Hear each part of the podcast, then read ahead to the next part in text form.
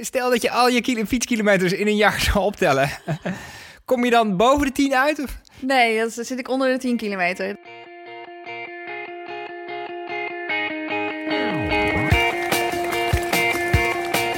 Crummins is niet alleen uit de winst, maar vooral ook op een snelle tijd.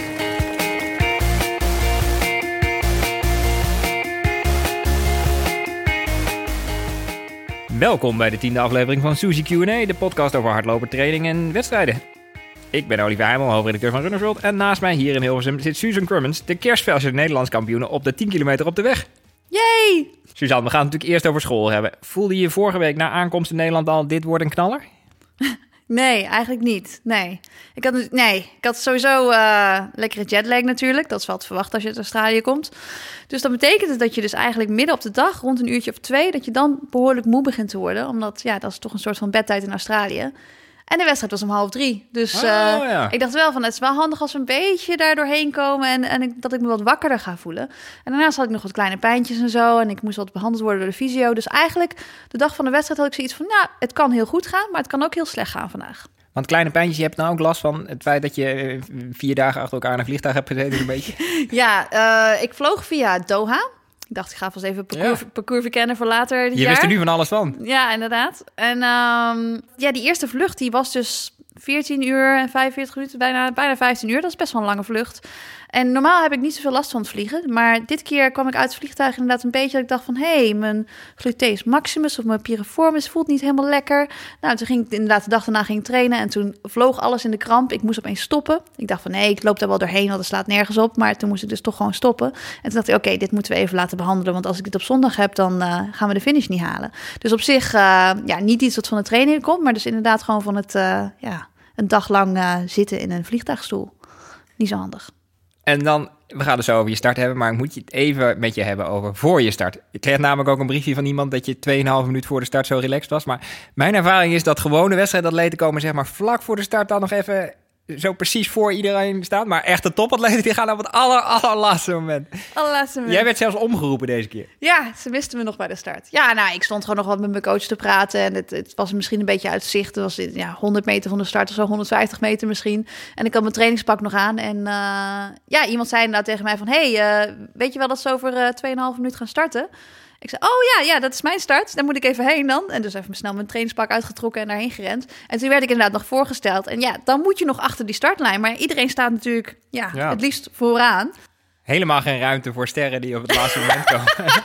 Ja, inderdaad. Super aso natuurlijk. Dus ja, ik heb, ik heb me er toch maar even gewoon tussen geplant. En gelukkig eh, ging het startgod gewoon meteen. Dus het was, ik stond klaar, eh, har- horloge ingedrukt en toen gingen we al vandoor. Dus het eh, was niet te lang eh, te dicht bij elkaar daar. Nee, ik ben blij dat je er geen drie kwartier stond. nee. Hey, eh, dan het eerste deel van de wedstrijd. Ging je er gelijk lekker in? Ja, nou, ik dacht niet, niet te hard starten, niet te gek doen, maar wel gewoon zorgen dat ik een beetje de ruimte heb. Dus nou ja, ik eh, zag al meteen, ik startte met de junioren en eh, Ja, de juni- junioren mannen natuurlijk, vooral die dan, die dan een beetje voor me uitstarten. En ik dacht van ja, eh, ik kan proberen een beetje met hen mee te lopen. Maar ik weet ook dat ja, als junior is het soms wat moeilijker om, een, om te weten hoe je een wedstrijd gaat indelen. Dus ik hoef ook niet meteen achter iemand aan te gaan plakken en erop te vertrouwen dat ze een, eh, een goed tempo gaan lopen. Dus ik liep gewoon een beetje mijn eigen tempo. En eh, ja, toen, toen vormde zich eigenlijk een groepje. Er waren twee junioren een beetje weggelopen van ons. En ja, verder had ik dan een groepje met een aantal andere junioren en en de Meraf Pata, die dan uiteindelijk eerste werd. Ehm, alleen ja, die junioren die, die plakten gewoon een beetje achter me aan. Die dachten van, we gaan gewoon lekker geen kopwerk doen vandaag.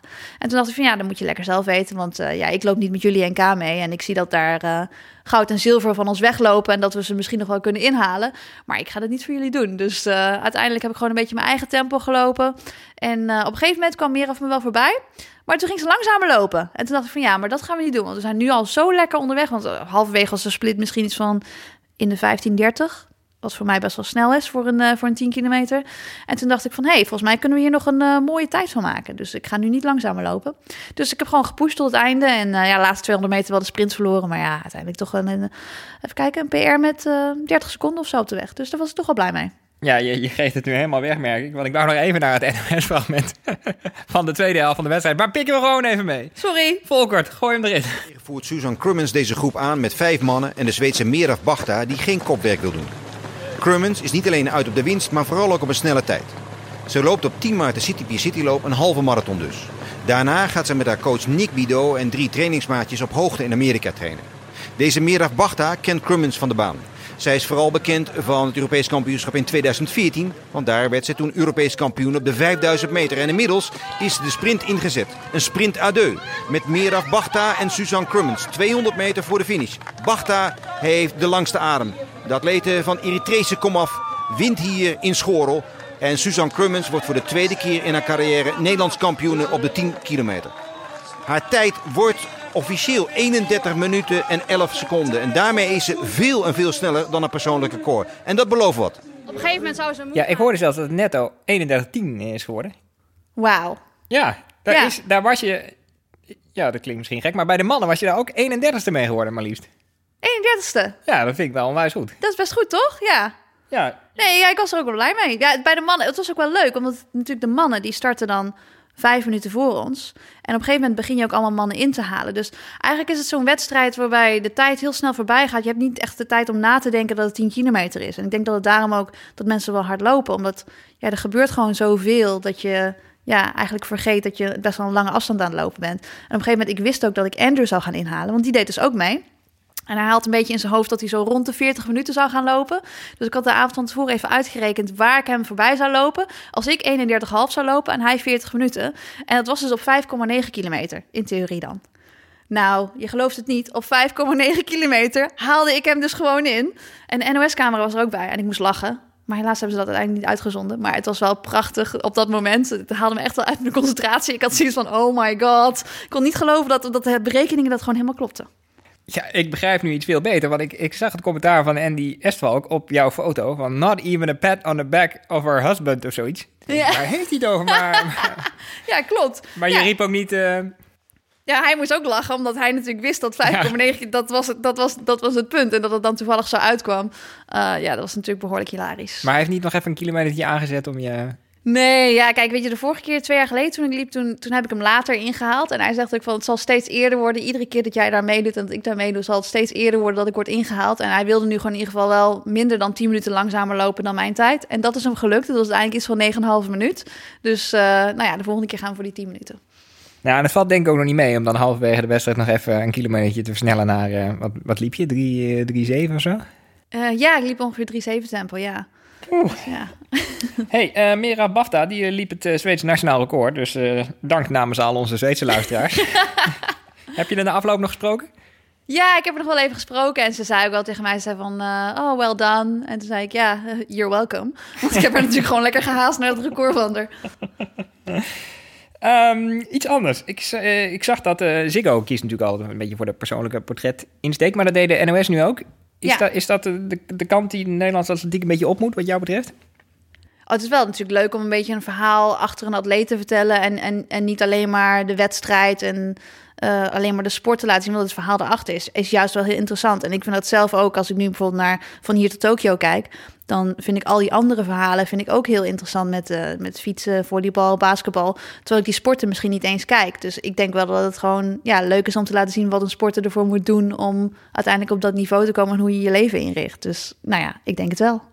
Ja, ik vraag het ook omdat eh, dit weekend waren echt heel veel bijzondere prestaties, maar best wel weinig tv-aandacht. Ik, eh, ik zag bijvoorbeeld de 20-jarige, of ik zag hem niet eigenlijk, maar ik las dat de 20-jarige Joris van Gol zich eh, op de 60 meter sprint plaatste voor het EK.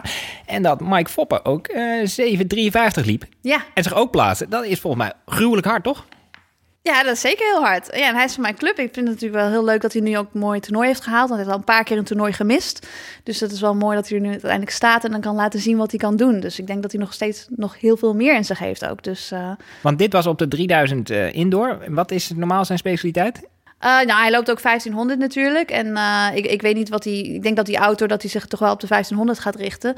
Maar eh, ja, goed, uiteindelijk als, als 1500 meter loper, 3000, 5000. Op zich is dat natuurlijk iets wat je kunt combineren. Wat ik ook heel lang heb gedaan.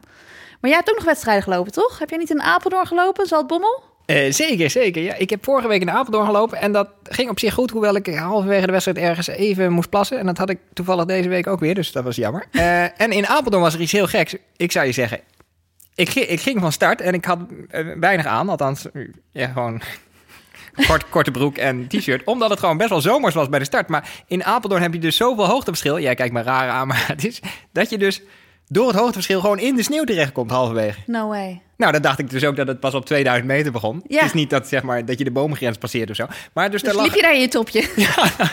Precies. nou, het is wat. Eh, ja, dus ik had best wel koud onderweg. Vooral de laatste paar kilometer, eh, een beetje geleden, 25 kilometer. En nu in Zaltbommel had ik dus bedacht... Eerst dat ik 32 zou lopen, want dat was de Two Rivers Marathon. Hartstikke eh, sympathieke, leuke marathon bij mij in de buurt, waar ik kom uit Den Bosch. En dan heb je ook al die Zuid-Afrikaanse muziek, want het is een officiële kwalificatiewedstrijd voor de Two Oceans. Oh ja. Toen dacht ik, ik loop daar 32, maar ik voelde me niet zo heel goed in het weekend. Toen had ik op het laatst tegen mijn vrouw gezegd, ik loop gewoon 21 en dan ga ik gewoon de koplopers proberen te hazen. Dan leg ik ze die eerste kilometer wel uit van, eh, hoi, ik ben Olivier en dit is mijn doel en zo. En misschien zitten ze niet op te wachten, maar ze zijn vast niet genoeg bij Adam om dat te zeggen. Eh, dus ik, eh, leuk hazen. En ehm, dus toen zag ik mijn vrouw na 18 en na 19 kilometer. En toen zei ik nog tot de 21. En toen kwam ik bij 21 over de finish. En toen zag ik er niet. En het regende en ik had best koud en ik had weer een kort broekje aan. En toen, eh, ja, na een paar minuten dacht ik, nou ga ik wel teruglopen naar het punt waar ik er nog gezien heb. Dus ik weer terug en toen weer heen. En toen zag ik er nog steeds niet. Uiteindelijk Na- toch een marathon gelopen. na een uur heb ik nog steeds niet gezien. En ik zat maar in die tent en steeds meer mensen die kwamen spullen brengen en eh, inpakken. En op een gegeven moment iemand die, die was ervan overtuigd dat ik naar het ziekenhuis moest. Omdat ik zo, nee, nee, het valt wel mee, ik zoek alleen mijn vrouw. En ja, de organisatie kon er dus helemaal niks aan doen. Wat bleek ook nog een officieel wisselpunt te zijn. Dus heel veel mensen gingen daar wel met een busje weg. Maar ik denk, ik wacht op mijn vrouw. En mijn vrouw ondertussen, die had me dus twee keer net gemist. En die dacht, nou, dan is hij gewoon doorgelopen omdat hij zich goed voelt. Dus je zat er weer thuis. Nou, die ging uiteindelijk naar de finish. Maar het was nog een heel avontuur. Oh, wauw. Oh, ik heb nog een kleine rectificatie. Oh ja, ik weet het al. In de vorige aflevering vertelde ik dat Jip Vassenburg 19 februari haar debuut zou maken in de marathon van Valencia. Maar dat ging natuurlijk over de marathon van Sevilla. Ja. Succes, Jip. En ehm, alles wat ik over Valencia zei, dat geldt eigenlijk ook voor Sevilla. Ja, ik denk is, het ook. Ik ben er nooit geweest, maar het is een leuke stad. Het ligt in Spanje. snelle het is een snel parcours. Het is een slimme timing, zo net buiten de drukste marathonmaand. Het is eigenlijk ongelooflijk. Het is inwisselbaar. Oh, het is tijd voor ons eerste segment, hoor ik. Ask Suzy. Stuur je vraag in en beantwoordt Suzanne die hoogstpersoonlijk in de uitzending. Ilse Langervoort vraagt, hoeveel paar schoenen heb je en waarom? En wat maakt de schoenen zo anders? Nou, zie ik hier toevallig een indrukwekkende verzameling dozen staan. Ja, en ook schoenen, hè? Ook ja, die zitten er ongetwijfeld in. Ja, maar ook daar schoenen met heel Ja. veel modder eraan. Dus ze worden ook gebruikt. Eh, ja, hoeveel paar schoenen heb ik? Ik heb ze nooit geteld. Maar 120, 130, zo voorzichtig. Oh ja, ik denk wel, ik denk wel 100. Zoiets, Oké. ja.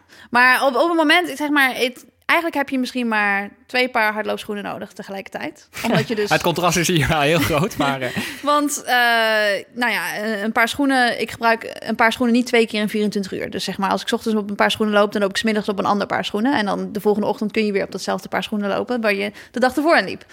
In principe heb je er geen 100 nodig. Nee, in principe niet. Alleen ja, ik, heel vaak als ik op trainingsstage ga, dan, dan neem ik natuurlijk een vers paar schoenen mee, omdat je dan wat meer gaat trainen. En dan soms aan het einde van de stage neem je ze weer mee terug, maar soms ook niet. En dan begin je weer aan een nieuw paar schoenen als je een keertje een wedstrijd loopt en je denkt van, nou, dan neem ik weer lekker een schoon paar schoenen mee. Dus nou, daarom heb ik nu, dus op het moment gebruik ik misschien, nou, wat zullen we zeggen? 20 Twintig. paar schoenen. Ja, 20 paar schoenen op dit moment. Maar dat is natuurlijk helemaal niet nodig. Maar dat is gewoon omdat ik gewoon ja, af en toe denk van... nou ja, ik vind het nu weer tijd om een, om een vers paar mee te nemen ergens naartoe. En dan die anderen, die, die hoeven nog niet weg. Die kan ik nog wel gebruiken. Dus. Maar er is wel verschil tussen wedstrijdschoenen en bepaalde trainingsschoenen. Bijvoorbeeld, zeg maar, als ik op de baan loop, dan, dan doe ik vaak mijn trainingen in een, eh, in een Zoom Elite. Die is iets, iets, dicht, iets, iets lichter dan een eh, Pegasus. Maar bijna al mijn duurlopen doe ik in de Pegasus. En dan, ja, als ik wedstrijdtempo's doe, dan af en toe trek ik ook wel een keertje mijn, mijn echte wedstrijdschoenen aan, zodat ik daar ook in kan lopen. Dus de Vaporflies. Maar verder verschilt het niet zo heel veel. eh, zeg maar, het zijn eigenlijk maar mis- misschien drie paar schoenen waarin ik train. Drie verschillende soorten. En is er ook nog een uiterlijke component? Het valt me momenteel aan dat je een roze broek hebt en roze schoenen. Maar eh, speelt dat nog mee als je gaat lopen? Of, Heel eh? toevallig. Eh, nou, nee, niet als ik gewoon ga trainen. Dan, dan trek ik gewoon een paar schoenen aan waar ik gewoon zin in heb, zeg maar. Dat maakt helemaal niet uit welke kleur het is. Ik heb wel ook nog twee paar schoenen die echt helemaal waterdicht zijn. Dat is wel lekker als het sneeuwt of als het echt heel hard regent. Dus die zijn nog wel anders dan de andere schoenen. Maar verder maakt het helemaal niet uit welke schoen ik aantrek. Ja, en ik, ik realiseer me nu dat we het nooit over sokken hebben gehad. Ja? En dat is voor veel lopers wel een dingetje. Ik heb een collega die, die heel eh, manisch is over het gebruik van zwarte sokken in witte schoenen. Maakt het jou nog uit welke kleur sokken mensen dragen? Of- Ja, ik vind zwarte sokken en witte schoenen vind ik ook niks. Dat Oh, is, jeetje, nee, ja, dat, ik- ja, dat is zo'n enorm contrast. Hetzelfde als witte sokken en zwarte schoenen kan ook niet. Oké. Nee, dus dat vind ik wel. Maar ik heb eigenlijk bijna altijd donkere sokken aan. En ik heb eigenlijk altijd... Mijn schoenen zijn eigenlijk nooit wit. Zelfs als ik witte schoenen heb, dan zit er waarschijnlijk toch modder op. Dus dan zijn ze niet meer wit. Dus dan, ja... Dan kan je alsnog donkere sokken aan. Ja, inderdaad. Dus dan maakt het niet zoveel uit. Maar als een schoen echt gewoon helemaal crisp white is... dan ga ik daar geen zwarte sokken bij aandoen, nee. Oké. Nou, ik heb niet het idee dat deze discussie voor altijd beslecht is... maar we hebben een belangrijke nieuwe piketpaal geslagen. Ja, Eh, Jacco van der Brink zegt: Ik eh, ben in voorbereiding op de Marathon van Rotterdam en ik kan me niet zo vaak laten masseren als een topper. Als ik mijn geld dan toch besteed aan een sessie, wanneer plan ik die dan? Na mijn intensieve training of net voor de marathon zelf? Nou, ik zou het niet net voor de marathon doen, want je wil ook niet alle spanning van je spieren afhalen als je een wedstrijd loopt. Dus het is wel goed om zeg maar als je een massage hebt, dat je dan daarna nog een keertje wel een paar trainingen doet, zodat je ja, dat je je niet helemaal te relaxed voelt als je daar aan de start staat bij de marathon. Ja, Eh, ga jij bijvoorbeeld ook niet uitgebreid in bad voor, de, voor een wedstrijd? Nee, dat doe ik inderdaad niet. En ik heb thuis geen bad. En dan heel vaak kom ik dan in een hotelkamer en denk ik, oh, vet groot bad, lekker. En dan zie je Andrew kijken, nee, je gaat niet in bad. Zou ik wel willen, maar dat is niet echt de beste voorbereiding op een wedstrijd. Ja, en ik heb het ook bij dry needling, zeg maar. De dag na het dry needling kan ik eigenlijk niet zo heel soepel wandelen. En Ja. dat is niet zo erg, want twee dagen daarna kan ik alles weer. Maar ik kan me voorstellen, als je vlak voor een wedstrijd zit, dat je toch denkt, jeetje, ik kan nou niet eens wandelen, dan moet ik daar overmorgen staan. Dus Nee, dat is niet, maar ja, dat is niet zo handig. Ik ben, ik ben toevallig vorige week, dus zeg maar in de aanloop naar school ben ik wel gedry needled ook. En toen had ik ook inderdaad echt het gevoel dat ik een enorme blauwe plek had. Maar dat was net weer weg voor de wedstrijd. En dat was zo'n drie dagen van tevoren. Maar inderdaad daarvoor, ja, ik zou het niet, zou het niet dichter bij de wedstrijd doen. Als je een massage wil plannen, dan zou ik zeggen misschien na je laatste intensieve training voor de marathon. En daarna ga je toch taperen. Dus dan ren je wel daarna. Maar dan heb je niet meer echt iets waarmee je je lichaam helemaal overhoop kan rennen. duidelijk. Een vraag van eh, Simona Runs Around, een van mijn favoriete Instagrammers. Hoe ga je om met jetlags en het enorme temperatuurverschil tussen Australië en Nederland? Het enorme temperatuurverschil. Ja, gelukkig viel het mee, hè? Want het sneeuwde niet. Dus het is wel nog steeds een graadje maar- 40. Oké. Ja, ja. Maar, eh, nou, eerst de jetlag. De jetlag, ehm, ja, het helpt heel erg voor mij om twee keer per dag te trainen. En dan doe ik dat al heel vaak. Maar nu is het zo, als je zeg maar niet zo hard traint, omdat je dus net een hele lange reis achter de rug hebt, dan in plaats van dat ik één keer een uurtje loop, split ik liever op in twee keer 30 minuten. Dus dan loop ik ochtends en dan loop ik 's middags. En tussendoor probeer ik dan geen dutje te doen. En als ik echt heel erg moe word, dan maximaal een half uurtje slapen. Maar het trainen van twee keer per dag helpt gewoon heel erg om de hele dag wakker te blijven, om echt aan de tijdzone te, te wennen. Dus eh, dat is voor mij belangrijk en dat doe ik dan echt wel een paar dagen achter elkaar. En dan, ja, zeg maar, als ik dan smiddags een beetje moe word en ik denk van, oh, ik, ik ga het niet meer redden, ik moet, ik moet nu echt gaan slapen, dan ga ik dus gewoon rennen. En mensen die s'avonds trainen, die zullen wel weten dat als je getraind hebt, dat je dan niet meteen daarna kunt slapen. Dus als ik dan om een uurtje of nou, vijf misschien een keertje ga rennen, dan is het niet zo dat ik om zeven uur al zo moe ben dat ik per se naar bed moet. Dus dan, dan ben je al lang genoeg wakker om eigenlijk ja, in de goede tijdzone te zitten. En als je dat een paar dagen achter elkaar doet, dan, eh, nou ja, dan ben je er. Ja, ik, eh, ik doe het gewoon niet meer zo vaak, maar ik, ik train er wel heel graag s'nachts. Ik kan er ook heel goed op slapen eigenlijk. Ja, heel goed. Ik Ja, hoor van dat heel veel mensen dat het toch een probleem is. Ja, Ja, ik train zelf niet zo laat. Dus ik, eh, en het is vooral niet zo intensief laat. Maar eh, ja, ik merk met mijn jetlag dat het, dat het wel helpt als ik dat doe. En als ik dat niet zou doen, als ik zeg maar alleen maar 's ochtends zou trainen, dan zou het wel eh, een stuk lastiger zijn om wakker te blijven. Ja, en qua temperatuur, ja. Je lekker bent- warm. Je bent er niet aan. Kijk, je, maar je bent ook niet aan de hitte, weet je wel. Het is, ja, het, ja je, je dealt er gewoon mee. Het is gewoon niet. Het, het is gewoon zo. En ik denk dat je er in je hoofd niet een, te- niet een big deal van moet maken. En dan is het vanzelf makkelijk. Dus ik moet niet altijd gaan zeiken dat het koud is in Nederland. Want ja, als ik in Nederland wil zijn, dan moet je daar gewoon mee dealen. En dan is dat gewoon zo. Dan nog één vraag van een luisteraar, ik ben even kwijt welke. Wat eet je nou zoal? Wat eet ik zoal? Nou, ik heb net lekker een bananenbroodje op. Ja, ik zit hier ook van jouw bananenbrood te genieten. Ja, die heb ik van eh, uit uh, Shalane Flanagan's eh, kookboek heb ik die gemaakt. Dat is erg gezond. Shalane Flanagan, eh, de winnares vorig jaar van de New York Marathon. Ja, ik, uh, ik ben wel een beetje fan van haar. Dus, uh, maar ja, ze heeft ook hele lekkere recepten in dat boek staan. En dat is allemaal best wel gezond. Dus dat is natuurlijk wel, uh, ja, wel fijn voor hardlopers. Dus dat eet ik. Maar ja, god, wat eet Maar jij ik? kent haar ook, zeg maar? Ik ken haar toevallig, ja. Want ik heb wel eens ook met haar getraind in St. Moritz. En ja, zij is echt... Ik vind haar heel leuk en down to earth. Maar ook heel inspirerend. En ja, ze, ze is niet bang om hard te werken. Dat is natuurlijk... Dat moet ook wel als je zo hard loopt. Maar tegelijkertijd heeft ze een mooie balans in haar leven. En dat ze dus ook nog probeert andere atleten te helpen en te coachen en tips te geven. En uh, ja, ik vind het gewoon een hele leuke allround, een uh, mooie atlete. Maar het gaat niet zover dat je dan nu appt van... eh, ik zie je bananenbrood te eten en het is verrukkelijk. Nee, maar als ik eh, zeg maar soms dan, dan maak ik iets uit de kookboek of zo en dan, dan zet ik het in mijn Instagram verhaal, dan krijg ik altijd een berichtje van. Weet je wel, ze, ze, ze, ze ziet het wel, ze volgt me en eh, als ik hard heb gelopen of zo, dan, dan feliciteert ze me ook en zo. Dus ik weet wel dat ze me volgt en dat vind ik wel heel leuk, want ja, zij is toch eigenlijk gewoon een ster. Ah, ja, en inmiddels al twee kookboeken, volgens mij. Ja, twee, ja, de tweede die heb ik nog niet. Er is wel een kans dat, er, dat ik daarin sta trouwens. Dus ik moet eens een keertje kijken. Want er zijn natuurlijk allemaal foto's gemaakt toen we in St. Moritz aan het trainen waren. En misschien heeft een van die foto's het wel gehaald in het kookboek. Oh, die ga ik bestellen. we gaan het doorbladeren. Ja, ja, en het is het complimenten voor het bananenbrood trouwens. Ja, dank je. Ja, het was echt eh mooi. Het is een goed recept. Ja, ja, hij was een beetje aan de zachte kant, maar wel ja, een beetje lekker. undercooked, maar dat is juist lekker. Dat is een beetje zoals met cookie dough, zeg maar. Dat is bijna lekkerder als je, als je de koek- koekjes nog niet gebakken hebt. Ja, dat ik vroeger ook bij croissants van mijn ouders, dat ik het eigenlijk lekkerder vond om dan gewoon dat, dat deeg te eten voordat hij in de oven ging. Ja, dat moet je dan toch gewoon doen. Je bent volwassen, je mag je eigen keuzes maken. Gewoon lekker rauw eten. Oké, kraakhelder. Ehm, heb je ook een vraag voor Suzanne of voor mij natuurlijk? Mail hem dan naar mijn adres olivier.heimel.heurs.nl of laat een reactie achter op ons Instagram-account Suzy Q&A. En wie weet komt jouw vraag dan wel in onze volgende podcast. En dan het woord van de week.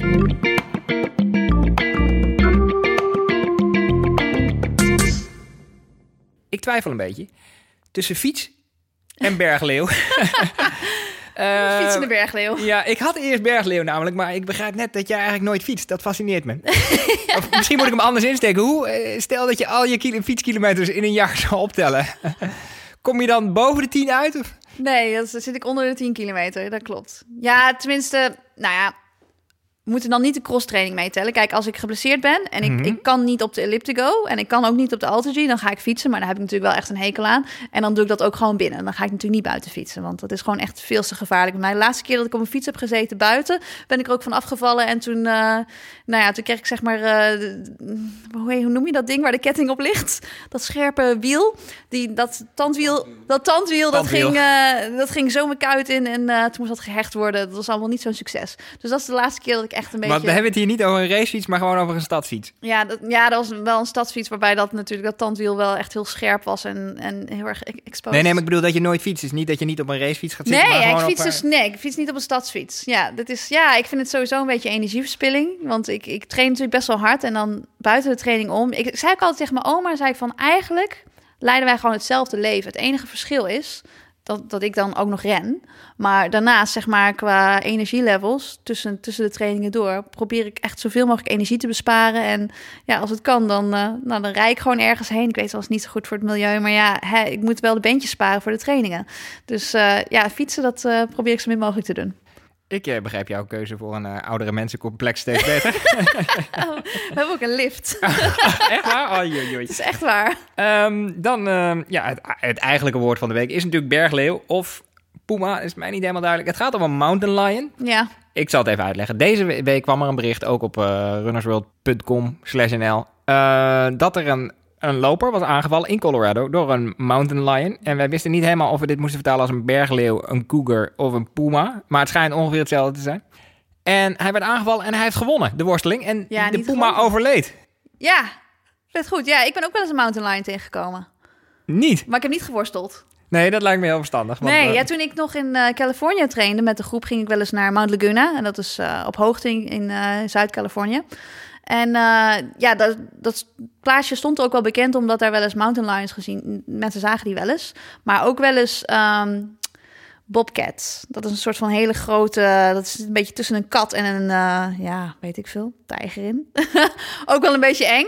Anyway, op een dag ging ik gewoon. eh we, trainen eigenlijk altijd ochtends en 's middags dan liepen wij niet in de meadow. Dat was de meadow is een soort van, ja, een soort van, van heide waar we dan doorheen liepen, wat een beetje open was. En aan de zijkant was er dan wel bos. En dan liepen we dan een ronde doorheen van ongeveer 10 kilometer. En dat was dan eh, single track, dus dat was een best wel smal pad. Dus zeg maar, de, het gras en zo lag best wel dichtbij. Dus je kon niet zo goed zien als er beesten vlakbij je waren. Maar dat was ochtends nooit. 's ochtends waren daar gewoon nooit alle beesten. bobcats liepen uit. Ja, die ja, zijn geen vroege vogels.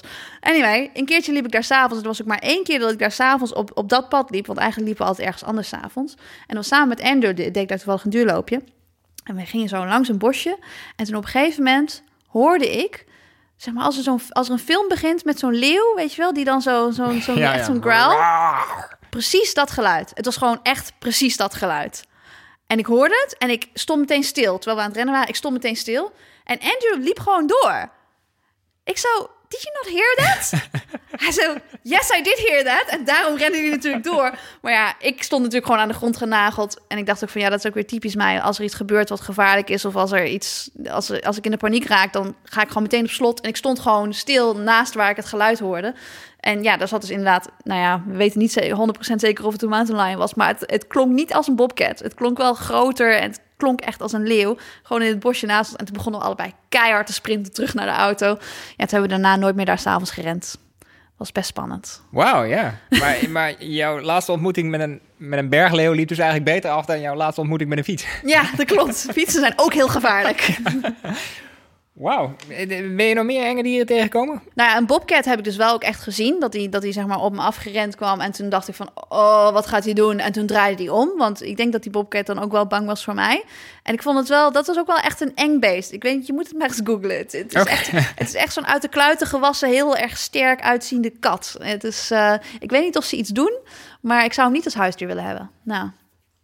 Ja, verder slangen in Australië natuurlijk. Ja, en ook weer twee slangen op de laatste dag. Maar eh, nou ja, ik ben nu best wel koeltjes. Als ik een slang zie, dan eh, vind ik dat helemaal oké. Als ik ze aan zie komen, dan eh, laat ik ze gewoon even voorgaan en dan is het prima. Wauw, ik, ik, ik, ik ga echt wel op zoek naar een exotische loopleven, merk ik. Ik, dus ik, ik schiet hier tekort. Ik ben wel een keer, beest hier, alleen maar teken. ben een keer gebeten door een eekhoorn in een Amerikaans park. Ja, zelfs in het ziekenhuis beland. Maar ehm, het was niet heel ernstig toch? Nee. Ik was, ik was gewoon hem aan het voeren en toen bleef hij in mijn duim hangen.